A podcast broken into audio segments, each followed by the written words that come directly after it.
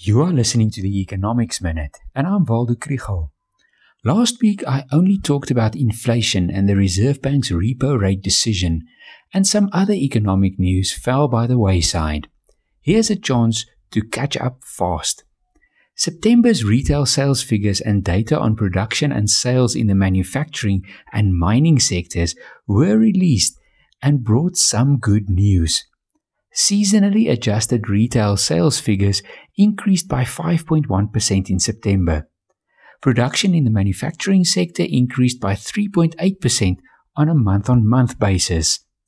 These are both positive indicators of the recovery of economic activity. However, production in the mining sector decreased from August to September and compared to September 2020.